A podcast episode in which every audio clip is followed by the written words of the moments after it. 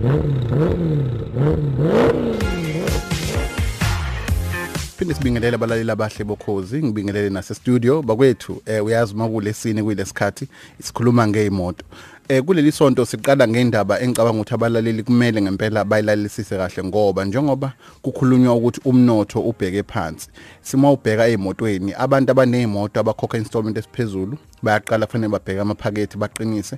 Okusho ukuthi kuqale into ukuthi umuntu mhlawumbe ahluleke imoto noma ayishintshe.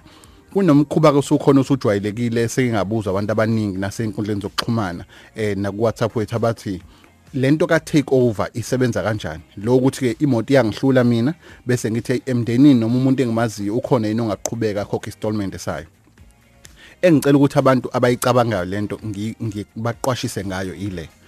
Asikhulume ngawe emnini wemoto. Uma ukhumbula ngalesikhathi imoto uyithenga uwena owasayina inkontileka ethi uwena umunini wemoto uwena futhi ozokhokhela imoto. Okusho ukuthi yonke imithetho ibheke wena.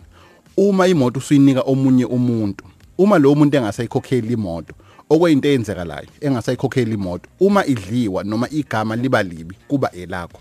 Uma lo muntu ehamba ngale moto ukhumbule phela yena ayikho into emfaka emthethweni emhlanganisa nale moto. So angenza noma yini ngemoto? Angangayiphatha kahle ingashayisa ingenzeka noma yini? Akanendaba naloko ngoba uyazi ukuthi ayimbhekile yena. Then into ezogcina yenzeka ukuthi ke umenza lokho noma ivalue yakhona ishayeka phansi wena muntu obhekana naleyo nkinga. Uma sekumele imoto idliwe isidayiswa idayiswa imali phansi wena umuntu osenkingeni. Bese sibheka nala uma sikuza kumshwalense umshwalense uthathwa wena mnini wemoto.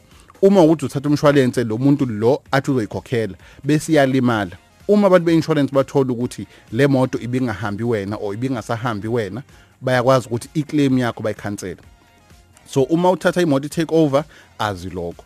Okwesibili kuwena umuntu ke eh futhi ke okwena uthathe imoto.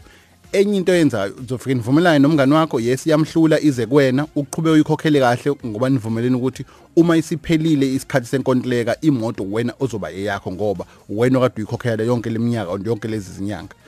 Uma sekusele inyanga ezimbili e, e, imoto iqeda ukukhokhelwa afubuye umuntu athi imoto yakhe ayifune back. Ngoba uyazi ukuthi umthetho ukuyena. Kwenzeka lokho umuntu wanika umzala wakhe imoto thoma sekusele inyanga ezimbili iphele wakhumbula ukuthi eyakhe wayithatha back. Lo uthe uma enkantolo ethi uyovula icala ukuthi lo uthatha imoto ekade ngikhokhele kwavele kwayinto esimple nje kwathiwa inkontileka bekungeyona eyakho bekweyakhe so kumele ayithathe imoto. So inkinga iba lapho ke so ke ngiyacabanga ukuthi abantu kumele bayinakisise le ndaba le yokuthi uma kuthathwa i-take over nazi inkinga ekhona.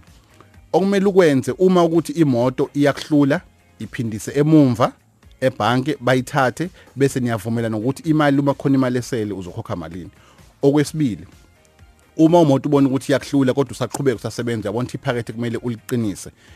Downgrade ke suka kwimoto kuyona ukuthi khokha 5000 ngenyanga uze kwimoto engaphansi ngoba uzokwazi ukuthi kuleyo kathi utrader in imoto uthatha engaphansi installment osikhokhayo ngenyanga siba phansi. Ukhumbule uma utrader in into abayenzayo bathatha le moto onayo bayithenge bese bekudayisela le moto engaphansi ozokhokha installment esingaphansi. So yilento bakwethu engicela ukuthi ngiyicacise. Indaba ye take over ineyinkinga ngiyacela abantu bangayenzi. Ukhona ngisho uthiwa umuntu wakini noma thiwa ubaba wakho noma thiwa yini. Uma kuba khona inkinga uwena ovelayo.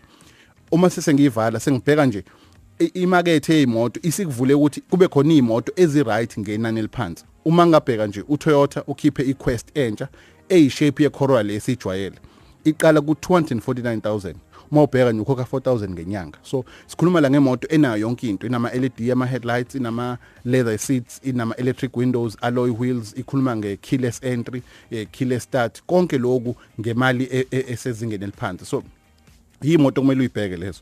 Bese sibheka futhi kwisuzu. Abantu bafuna imoto zama automatic umuntu athi ngifuna imoto e1 ekwazi ukwenza konke. Usuzu ukhiphe i250D ey automatic iqala ku 403000 automatic 253 esuzu ekhona manje eMzansi Afrika si automatic iqala ku 403000 okusho ukuthi ukhokha 6.5 ngenyanga. Bese ke siza la kwi Triber uReno ukhiphe i Triber e7 seat. Sikhuluma la uthenga imoto mhlawumbe buyisebenzise njengo Uber eh iqala ku 164000 okusho ukuthi ukhokha 2300 angiphinde futhi. i-Triber i-Renault e7 seater. Eh iqala ku 164000 i7 seater ine aircon ine multifunction steering wheel inezinto eziningi efika nazo.